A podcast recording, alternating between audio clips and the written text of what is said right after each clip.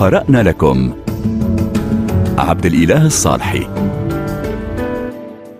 نخصص حلقة هذا الأسبوع من برنامج قرأنا لكم للشاعر والروائي والكاتب المسرحي الفرنسي جون غيستا الذي توفي مؤخرا عن سن تناهز الثمانين عاما مخلفا وراءه حوالي عشرين عملا توزعت بين الدواوين الشعرية والمسرحيات والروايات والدراسات النقدية. ولد ريستا في الأول من يونيو عام 1943 في بلدة أرجون سور سولدر في منطقة لوشير وسط فرنسا في كنف عائلة متواضعة.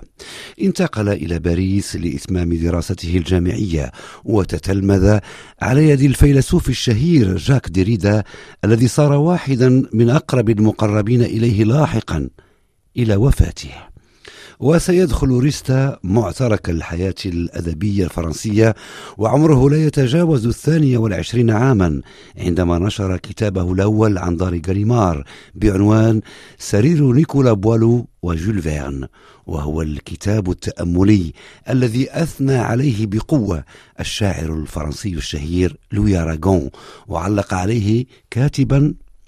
المهم الآن هو بزوغ هذا الرحال الجديد في عالم الأدب بنظرته الرائعة التي لا تحترم أي شيء وضحكته الداخلية والخفة الجدية التي نسميها الشعر. وسيلتقي الكاتب الشاب جون ريستا لاحقا بلوي أراغون الذي صار أباه الروحي وشيخه الأدبي حتى أن هذا الأخير أوصى قبل وفاته بتعيينه مكلفا بإدارة إرثه الأدبي. وهو ما فعله بتفان منقطع النظير.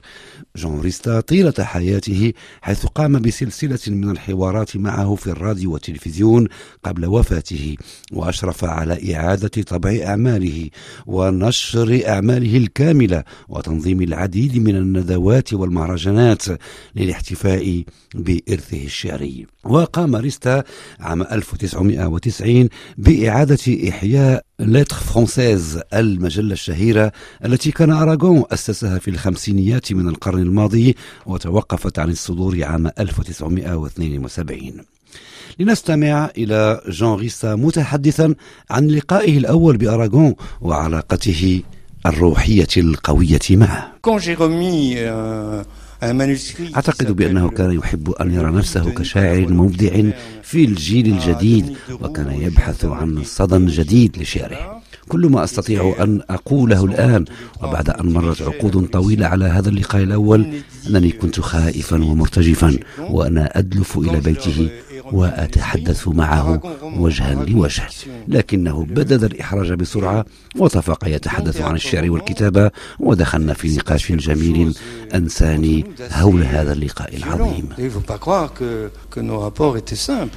تألق جون ريستا كثيرا في فترة السبعينيات من القرن الماضي بعد نشره لكتاب الانقلاب في الأدب وصار من الأسماء الراسخة في الحياة الأدبية الفرنسية التي كانت تغلي آنذاك بالسجالات النظرية والفكرية والأدبية.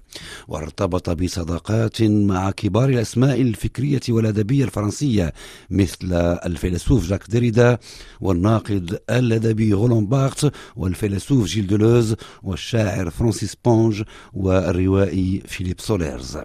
وأسس آنذاك مجلة Digraphe التي احتضنت الشعراء والكتاب الفرنسيين الجدد واهتم بالمدارس النقدية والطليعية التي تمزج بين النقد والكتابة الإبداعية. وتوالت إصدارات جون ريستا في الشعر والرواية واهتم في الثمانينيات من القرن الماضي بالمسرح أيضا وكتب العديد من المسرحيات مع المخرج المعروف رولان بوتي ومنها مسرحية أشعل النجوم المستوحاة من حياة وشعر الشاعر الروسي ماياكوفسكي. وتميز ريستا بانتمائه لليسار الشيوعي الفرنسي الذي بقي وفيا له حتى وفاته وكان يكتب مقالات منتظمة في المجلات والصحف الفرنسية خاصة صحيفة لوموند أصدر ريستا آخر أعماله عام 2017 وهو ديوان بعنوان أوهن أنتم الذين تنامون بين النجوم المكبلة. وكل كتاب وأنتم بخير. قرأنا لكم. عبد الإله الصالحي.